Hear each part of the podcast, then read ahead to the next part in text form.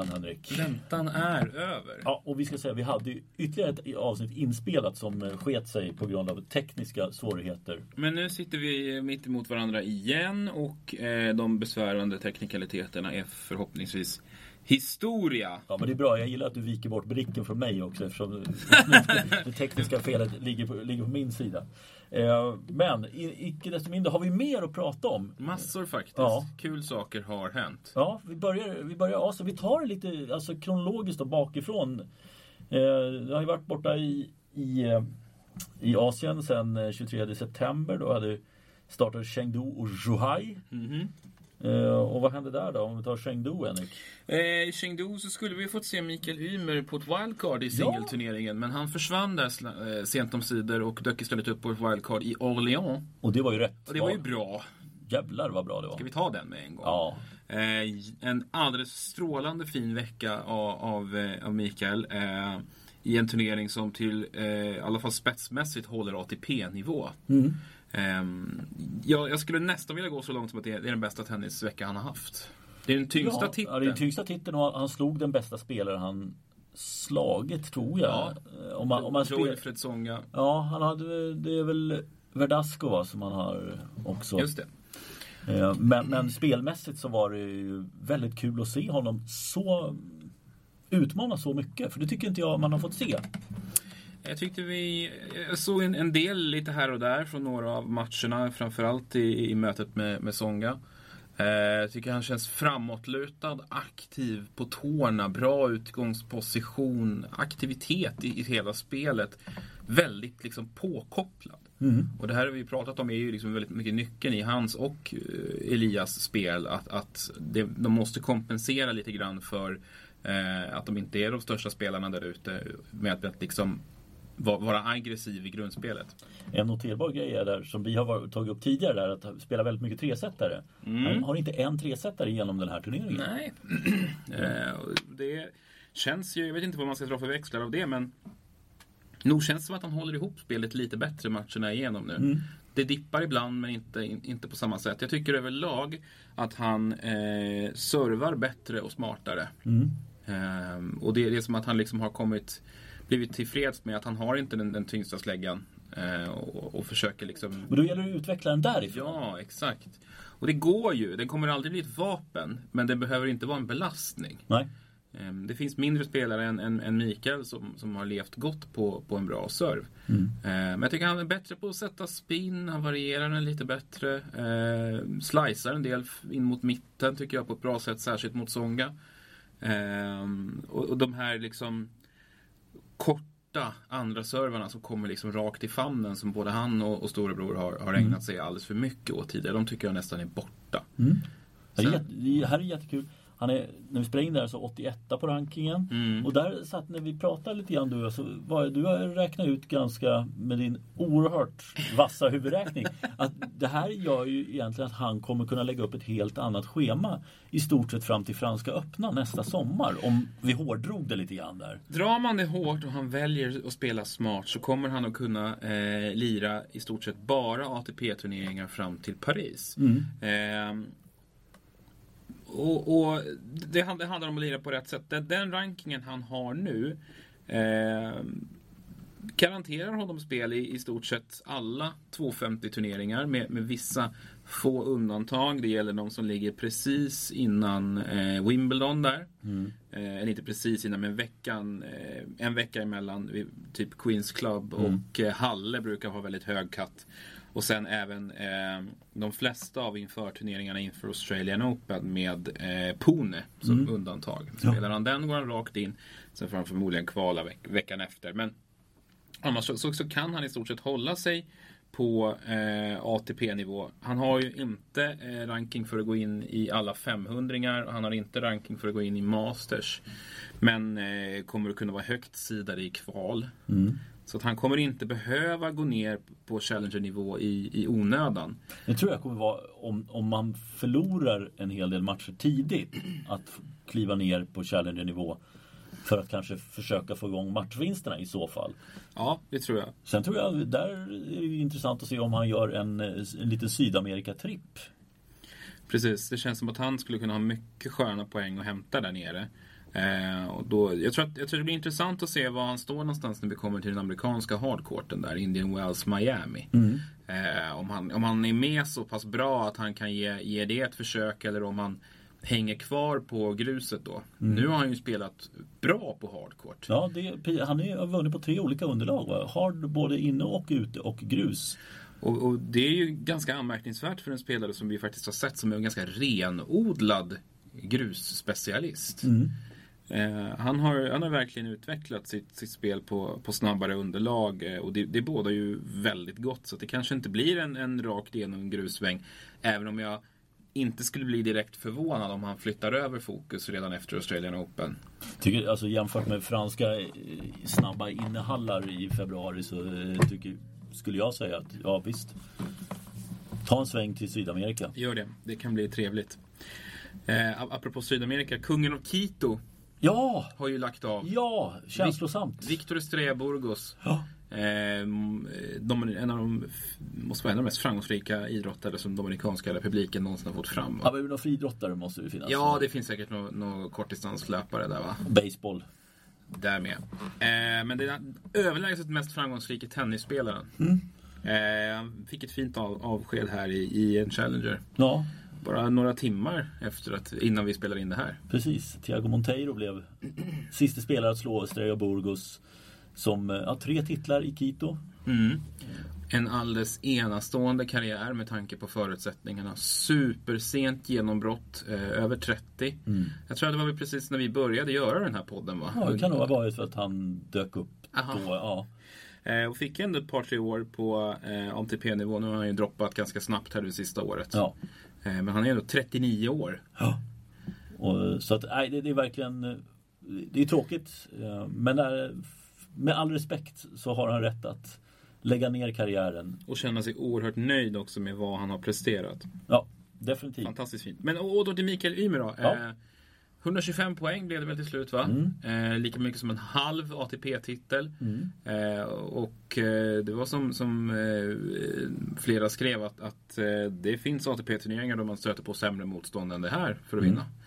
Eh, så det här är en jättefin seger. Jättestort och fint kvitto på att han faktiskt hör hemma där uppe. Och har nu slutligen etablerat sig. Ja, 100. hoppas att han håller nu vad ska man säga, lägsta nivån höjs också med den här rankinghöjningen. Eh, det är klart att det kommer komma plattmatcher men att det inte blir några längre svackor och sådär utan att etablera sig Vinna, vinna matcher, en match här, en match där även om man inte är i, i gott slag. Han har ju inga som helst poäng att försvara resten av året. Eh, han, han inledde ju förra, den här säsongen med att vinna i Nomea. Så att vid årsskiftet så, så är det en, en pott på 80 poäng som dras. Men det är inget, det är inget superduper tapp nu med tanke på den, den eh, rankingplatå som han har tagit upp sig på. Och han har bra spridning på sina poäng över hela året faktiskt. Eh, det är inte alls så grustungt som, som man hade kunnat förvänta sig. Och det är viktigt också just att ha den här spridningen på det just så att det inte blir de här enorma jättetappen på kanske en månad. Att man har samlat ihop 70% av poängen under en månad. Utan bra, eh, imponerande och det är ju också en grej som jag tycker visar på att han han flyttar upp positionen, inte bara rankingmässigt utan spelmässigt också. Han spelar ju Moiron Le Captif eh, den här veckan. Eh, och eh, är högt sidad där. Han, han ska väl i alla fall kunna ta sig fram till en kvartssemi tycker jag.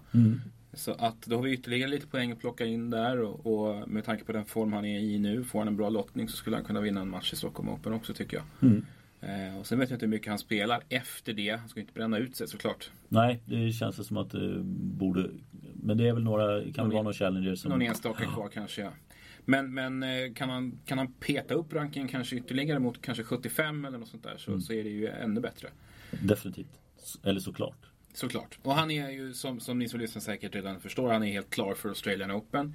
Förste svensk sen Robin Söderling eh, 2011 och gå in direkt i huvudturneringen i en Grand Slam. Eh, också första svensk sen Söderling 2012 och ens vara topp 100. Och första svensk sen 2003 Joakim? Pim, Pim. Johansson. Ja. 2003 blev det va? Mm. Eh, som tar sig in topp 100 för första gången.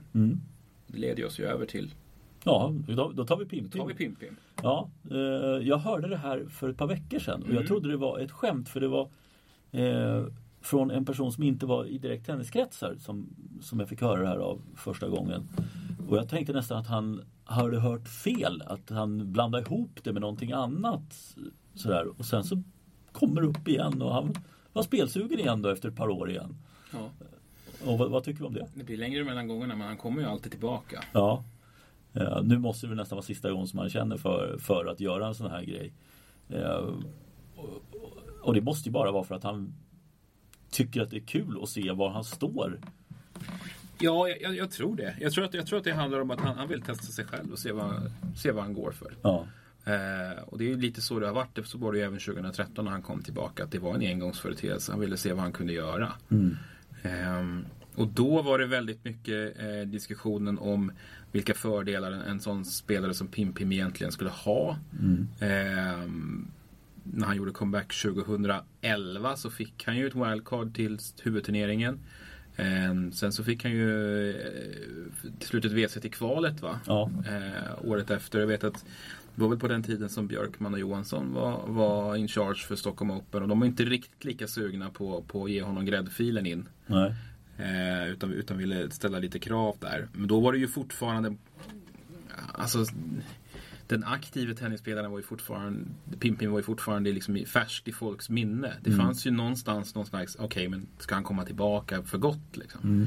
Och det var ju på gång där 2011. Ja. Eh, tills det abrupt tog slut. Just precis. Men nu, nu är det spännande. Det här, det här förkvalet som spelas eh, det är klart, alltså det, man ser ju å andra sidan att det är svältfödd, svältfödd tennispublik som läser journalistik. Men eh, första rubriken är klar för Stockholm Open och sånt. Men vem fan andas först? Titta vad det är för mm. någonting. Han ska spela ett förkval. Eh, till att få en... Ja, det är, det är väldigt många som har märkt som är trigger happy. Ja. Och tycker att, tycker att eh, den rubriken sitter fint. Eh, det gör den ju också men den är ju inte riktigt rätt. Nej, det är den inte. Utan det här är ju någonting som Stockholmsklubbarna är överens om att köra ett kval för vilka som ska få WC. För att det finns inga givna kandidater idag att ge de här wildcarden till. Och då tycker jag det är rätt att göra en sån här förturnering eh, för att, för att spela sig fram till ett wildcard. Vi har ju andra exempel på det faktiskt. I Australian Open och sånt så har det ju varit eh, kval eh, i Asienkval för att få ett WC där som mm. delas ut. En, en, vanlig företeelse. Men eh, Pimpim har vunnit en match. Eh, har slagit en kille som heter Mikael Minasian. Jag tror jag är Sveriges bästa 16-åring. Det är så pass ändå. Eh, det blev seger i alla fall i två raka set, 6-4, 6-4. Eh, och jag tror väl att han kommer att gå rent genom den här. Jag har också väldigt svårt att se att han ska förlora. Med det spel han har så är det så extremt ovanligt för framförallt de här andra svenska spelarna som han kan möta och eh, att de tror inte jag kan hantera den typen av spelare som han är. Nej, det, det är ju en mer sällsynt spelartyp nu för tiden än det var när, när han slog igenom. Och sen så är den ju naturligtvis oerhört sällsynt i liksom mellersta tonåren. Mm. det är 16-åringar stöter ju inte på en kille som kan serva i 230 km i timmen. Nej, och så blåser en andra server 210. Exakt. Han, han är, och det, det, har han ju liksom fått för lite cred för egentligen. Han, han, är, ju, han, är, ju, han är ju både tekniskt skicklig och taktiskt skicklig i sitt mm. servande. Det här, vi snackar ändå en, en kille som slog 54 S på Andre Agassi. Mm. Som, som på sin tid inte direkt var en dålig returnerare. Han var väl bäst innan Nadal ja. eh, Och eh, hade ju, han hade världsrekordet var innan Karlovic. Innan Karlovic tog det. Och sen Isner också. Ja, I, precis. I Wimbledon. Wimbledon.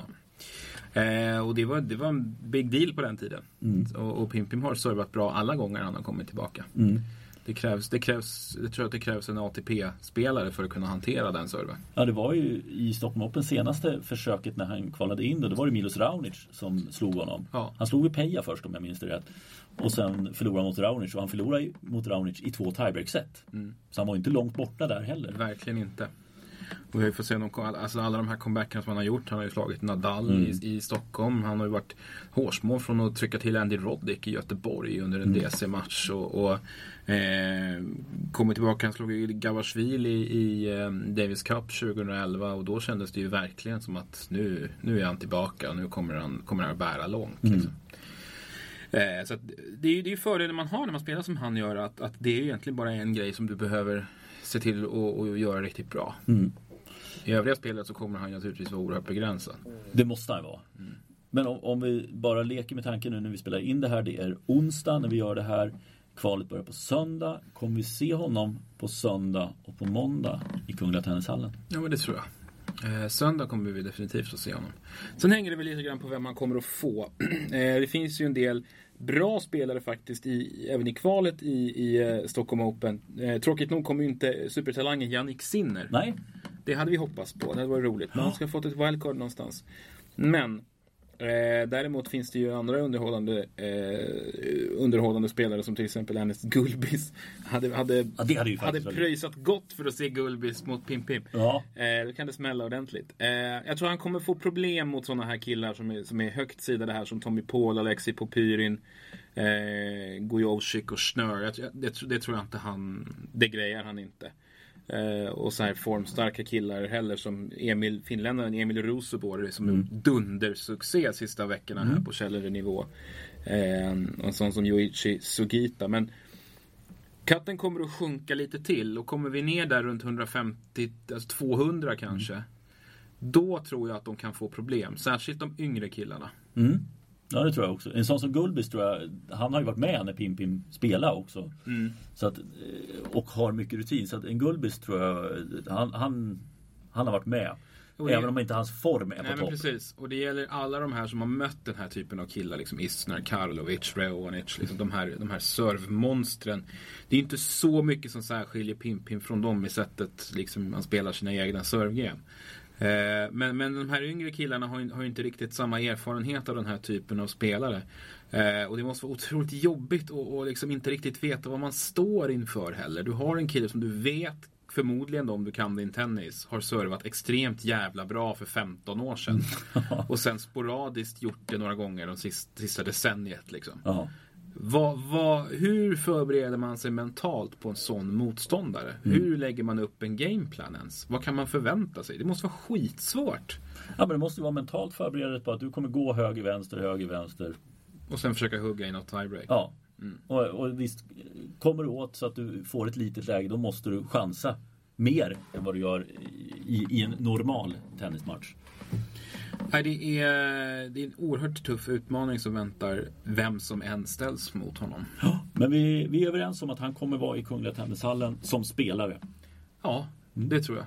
Och jag ska försöka vara där och se det. Samma här. Eh, hörru du, ska vi ta en liten snabb, vi tar en snabb Asiensväng som vi började det här i. Men vi, vi, hopp, vi hoppade in på annat. Här. tillbaka österut. Ja, men Chengdu, där, där vinner Pablo Carreño Busta och det var ju ett tag sedan som han fick göra något bra.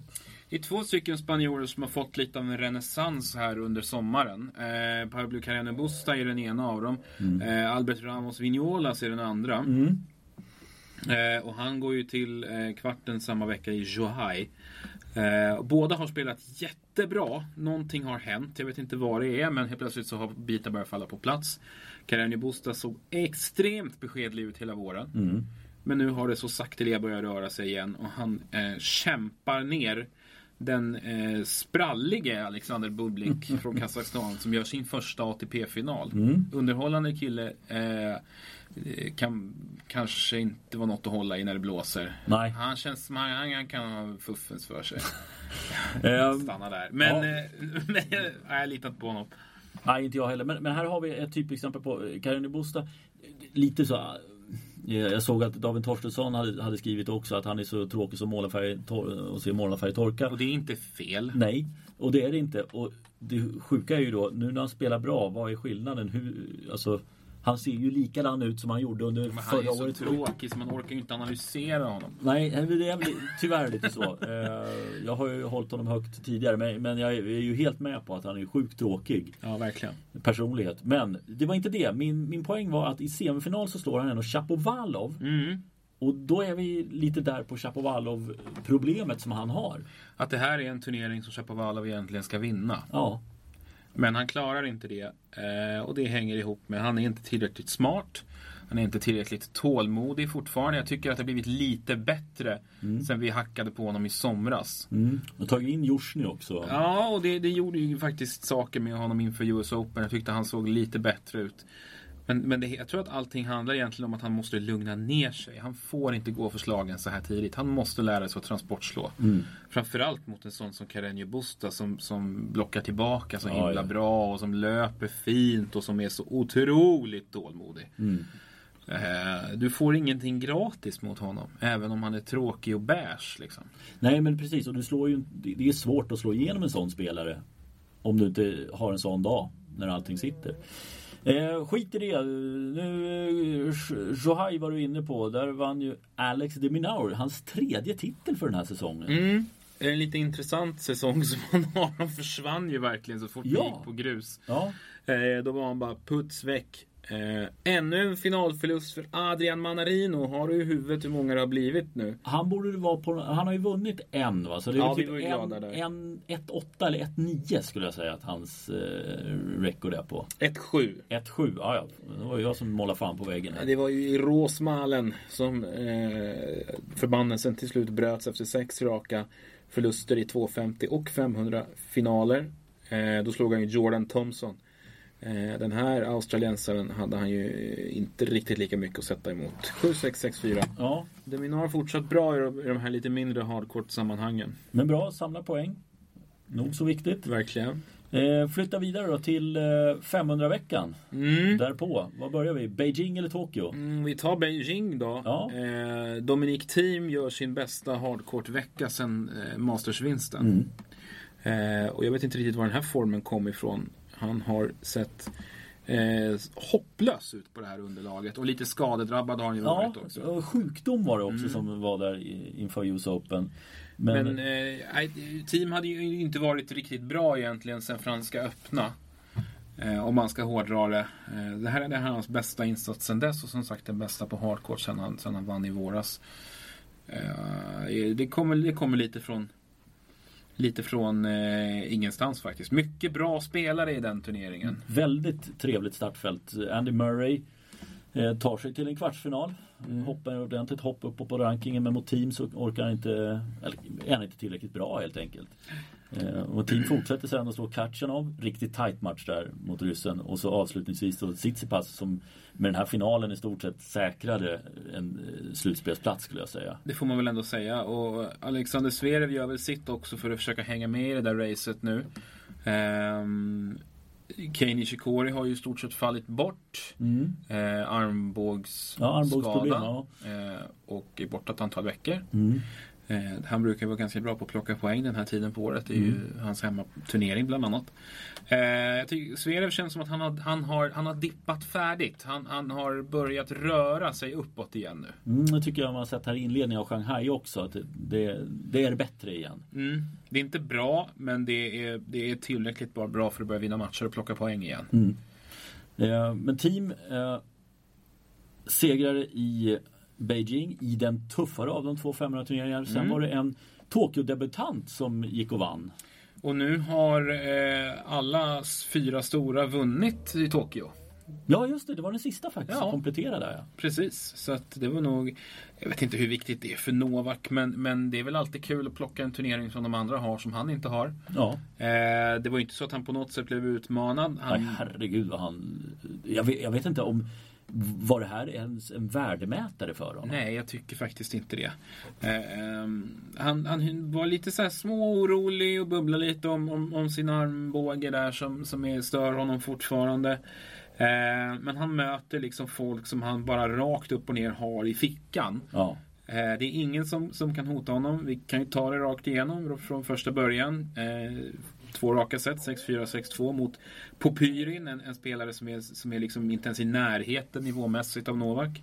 Eh, Wildcard-spelaren Go Sueda, 6-3, 7-5. Eh, Sueda tar ju ut Jan Struff där som har mattats lite nu Mm. sista månaderna. Eh, inte riktigt den här fina eh, vår och sommarformen som han visade upp tidigare. Sen är det ju Lukas Puy som är rädd för Novak Mm. och också Och glad för att ha fått lite poäng för att gå till kvarten i fem ja, vann två raka matcher. Slår Hurkacz och sen Nishioka. Hurkacz har ju också mattats rejält. Mm. Eh, li- lite vinsttrött skulle jag gissa. Vann ju sin första titel där i, i loserveckan inför US Open och sen har det inte hänt så mycket för hans del.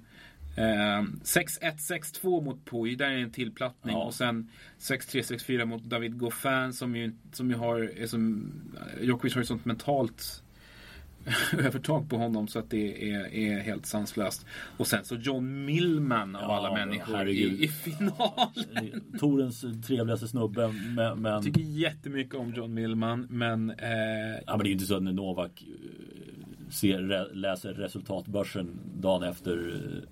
Oj, ska jag möta John Millman i final? Nu blir jag riktigt skakig. Det, det, det där är ju en... Det är ju inte ens en, det är en första runda för honom. Det där. Ja, så är det ju. Och eh, det, fältet öppnar ju upp sig med att Nishikori inte är med. Och det verkar som att arrangören la alla pengar i en korg och, och sände över den till Novak Djokovic egentligen. Eh, mm, de huvudsakliga motståndarna där Borna Soric, Goffin, Per, Puj, Silic. Det är ingen av dem som ens vinner en match. Va? Nej, Goffin är ju i semi men Ja, sen men på är det... nedre halvan. Där. Nej, det är Silic. Han går till andra rundan. Eh, Ja, det gör han. men, men särskilt mycket mer är det Nej, inte. men Silic är på övre halvan också. Ja, han är på övre halvan också. Ja. Ja. annars så, då åker alla ut i öppningsrundan. Ja. Soric, Per eh, och eh, Deminaur och Deminaur Fritz. Fritz åker alla ut Ja. i första rundan. Så att det öppnar upp sig fint där. Det blev inte så mycket värdemätare. Jag tror inte vi kan säga någonting om, vad Novak står baserat på den här turneringen. Nej, han plockade med sig 391 000 dollar, i alla fall i officiell prispengar. Fick väl minst lika mycket för att komma dit och spela. När vi spelar in det här så är han i, i andra rundan i eh, Shanghai och har vunnit första set mot Dennis Chapovalov med 6-3. Kommer vinna den där matchen om man Naturligt. inte bestämmer sig för att förlora. Vis kommer han att göra det. Eh, men om vi tar Shanghai då, vad, vad har vi för någonting? Vi, har- vi har fått se Federer har, har tagit sig vidare till tredje rundan. Vad tror vi kommer stå i slutändan? Är det Djokovic som står som segrare? Jag skulle nog säga att Djokovic är favorit. Det är nog bara en skada som kan stoppa honom egentligen. Är Medvedev för trött? För Medvedev är på hans halva och kan möta honom i, i en semifinal. Jag tycker att Medvedev eh, har en rätt bra lottning. Han, han, han krossade ju Cameron Norrie i, i eh, sin första match, Oj då. 6-3, 6-1. Sen har han Vasek Pospisil. Det är bara att tacka och ta emot. Pospisil lyckades ju ta sig förbi Diego Schwartzman på något sätt. Och Mm. sen eh, fick Joao Sosa. Eh, Medvedev kommer att vinna den matchen tror jag. Och sen har han Fognini mot Kachanov. Fognini ska vi ju säga var inblandad i en mycket intressant batalj med Andy Murray. Över Eh, tre timmar lång var ju matchen också. Ja, men det, det, det verkliga underhållsvärdet eh, fick vi ju se där i, i skiljeset. Ja, Murray lackade ur lite grann. Fullt förståeligt. Eh, Fognini någon, någon slags dryghetspik där. Han satt och flina och babbla och var bara pucko. Eh, och, och Murray eh, sa till slut bara håll käften. Eh, ja, det var, ro, det var roligt. Ja men det är lite kul att, att få, få lite sån munhuggning. Nu tror jag inte det, det är... Det här kommer ju inte resultera i någonting. Det kommer ju inte resultera i några böter. Det här var ju bara, det var bara tjafs. Ja. Men det var roligt. Ja, och är det på det- den här nivån så är det ju kul. Det är ju bara liksom, det är bara trams. Ja, ja men det, det, det är en tjurig jävel och en helknäpp jävel samtidigt på banan. Men det finns få som, som klarar av att få ur sig så mycket vettigt eh, när man är mitt uppe i en rant på banan som Andy Murray ändå. Han, han får för lite cred för hur vältalig han är. Ja, Nu är ju han typ den enda som har engelska, liksom, inte den enda, men han är en av få som har engelska som modersmål som inte är en liksom, komplett idiot. Eh, så att, så att eh, han, han, har ju, han har ju den fördelen. Men jag tycker det är kul att lyssna på honom när han blir lite arg. Och han, han har ju mycket bra tankar i huvudet rent, rent generellt. Sen har han ju 100% rätt. Naturligtvis. Ja, i det, i det här fallet var det det. Sen tycker jag, å andra sidan ska man faktiskt ge Fognini, han var väl inte heller helt ute och seglade med, med en av hans kontringar där med att du gör ju samma sak själv. Mm. Typ. Eh, och, ja, kanske inte riktigt på Fognini-nivå. Nej, det är ju ingen som är. Nej, det är det inte. Det är, Kyrgios har en egen nivå och så har Fognini en egen nivå. Ja. Det, ja. Nej, det är rätt. Men, men underhållande Fognini går ju segrare i den bataljen. Eh, knallhård match. Eh, Murray dessutom då säger att han ska spela Australian Open igen. Mm. Det är ju kul. Det tycker vi är roligt. Eh, se, det är intressant att se hur han kommer att kunna flytta sig uppåt på rankingen. Eh, och hur långt det kan räcka. Det kommer inte räcka hela vägen, men hur långt det kan räcka. Men åter till det, Novak Djokovic säger du som segrare och jag är ganska benägen att hålla med. Jag vet inte tusan vem som skulle utmana riktigt. Jag tror inte att Federer är en utmanare. Nej, det tror inte jag heller. Eh, jag tror att Federer kommer att gå till semifinal i alla fall. Mm. Jag, tror, jag tror kanske att, att han, att han eh, går till final också för att från den kvarten har, har vi, har vi team eh, Bautista Gutt eller Berrettini. Mm. Eh, jag tror att Berrettini kanske åker ner lite på jorden eh, efter den där supersuccén i US Open där han tveklöst presterade över sin förmåga. Mm. Även om vi var otroligt imponerade naturligtvis. Oerhört. Eh, Men det blir intressant att se hur, vilken nivå håller han fortsättningsvis. Mm. Team tror jag inte kommer att hota om två hardcore-titlar i rad. Nej, inte då. Det, det är tror så inte pass, han orkar det. Nej, och Beijing var, den var så pass mycket tuffare också. Mm. Så att, nej, jag har också svårt att se det. Så att Djokovic solklar och ska vara favorit alla dagar i veckan. Han får nog Medvedev i semifinal. Ja, men du, eh, vi, då, när vi ändå är där då. Vi, vi hoppar in på racet. Mm. Eh, och racet är, jag skulle säga att det handlar om sju spelare som gör upp om två platser. Då räknar jag med att Tsitsipas är klar. Då är jag alltså just nu sjunde plats Bautista Agut, åttonde Zverev. Sen Goffin är 20 poäng bakom Zverev. Sen har vi Berrettini, vi har Nishikori, vi har Monfils och Fognini. Alla de över 2000 poäng. Och Nishikori kan vi ju nästan räkna bort. Så gott som, såvida inte han går och vinner Paris. Om han nu kommer till spel här i Europa. Mm. Eh, så då, då är vi på sex spelare. Monfils har jag svårt att se att han kommer hålla ihop det. Eh, utan där är det, ja. Monfils, då räknar bort honom också. Fognini har jag också svårt att se så här sent på säsongen. Han skulle behövt vara närmare eller innanför de här topp 8 för att verkligen ge det här extra för att ta sig till London. Ja, jag, jag tror inte han orkar göra den pushen heller riktigt. Nej. Eh, och sen vad gäller Berrettini så tror jag inte riktigt att han, han är bättre än Goffin och Zverev eh, i varje turnering här nu som han ju faktiskt behöver vara. Mm. Eh, jag tror inte han kommer att vara det. Ehm, om jag får säga så tror jag att Goffin kommer att ta någon av de där platserna och, och trycka ut Batista Gutt eller Zverev. Mm. Så gå fan till London och så en av Bautista Gutt och Zverev. Ja. Jag tror att Zverev kommer klara sig kvar där uppe. Han Eh, känns ändå lite på gång. Eh, Batista Gutt kanske lite på väg ner. Mm. Så där, där har vi det vi siar om i det här. Eh, har vi någonting mer som vi behöver ta upp? Är, är vi klara där?